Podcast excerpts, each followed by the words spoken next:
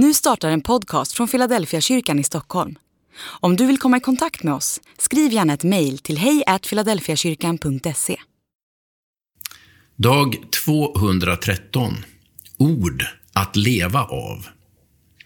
Men sådden i den goda jorden, det är den som hör ordet och förstår, och han bär frukt. Hundrafalt, sextiofalt och trettiofalt. Matteus kapitel 13 och vers 23. Ibland tänker jag att jag är konstig. I mer än 30 år har jag läst min bibel nästan dagligen.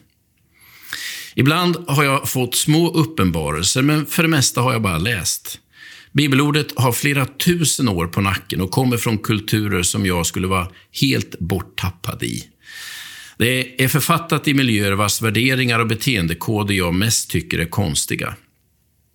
Jag lever i ett högteknologiskt samhälle med internet, mobiltelefoner och trådlösa uppkopplingar.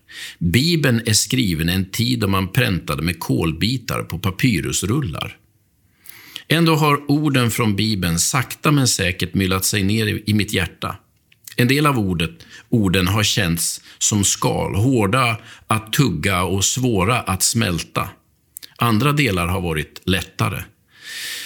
Men oavsett om det har varit smår, svårsmält eller lättuggat har det fyllt mitt liv med substans och näring.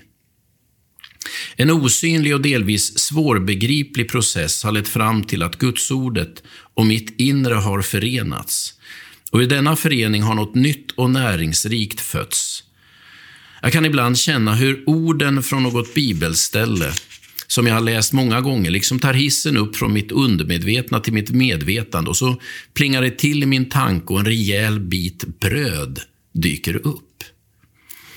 Jag får näring och ny kraft från ord som har legat till sig i djupet av mitt hjärta och när tiden är mogen kommer en skörd av detta ord som blir bröd för min själ.